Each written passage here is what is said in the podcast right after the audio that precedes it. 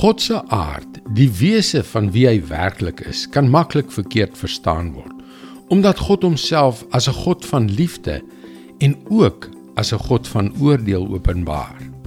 'n God van vergifnis en ook 'n God van straf wat uiteindelik tot ewige verdoemenis lei. Hallo, ek is Jockey Gouchee vir Bernie Diamond en welkom weer by Vars. Geen wonder mense is verward. Geen wonder dat sommige mense hom op grond van die oënskynlike teenstrydigheid van daardie twee verskillende aspekte van sy natuur verwerp nie. Toe Moses destyds op die berg Sinaï was en die tafels met die 10 gebooie ontvang het, was die Israeliete, God se eie volk, besig om 'n valse afgod, 'n goue kalf te aanbid. God was woedend en wou 'n ramp oor hulle bring. Ja, Moses was self so ontstel dat hy die kliptafel stukkend geslaan het. Hy het egter berou gekry en vir God gesmeek om genadig te wees en om te vergewe.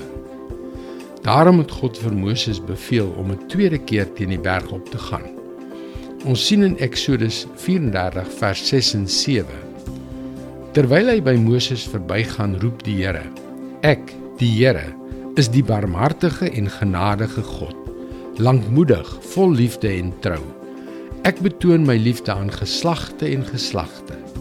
Ek vergewe ongeregtigheid, oortreding en sonde, maar ek spreek niemand sonder meer vry nie.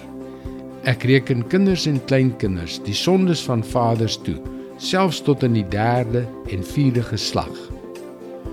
God is 'n God van geregtigheid.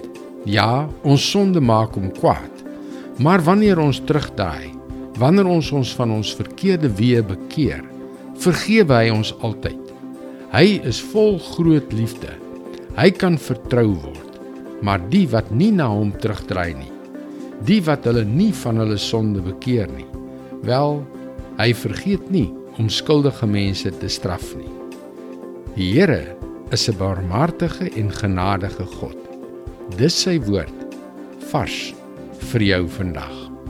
My vriend, Wat ook al in jou lewe besig is om te gebeur, moet nooit vergeet dat God vol liefde en trou is nie. Jy kan daagliks boodskappe soos hierdie per e-pos ontvang.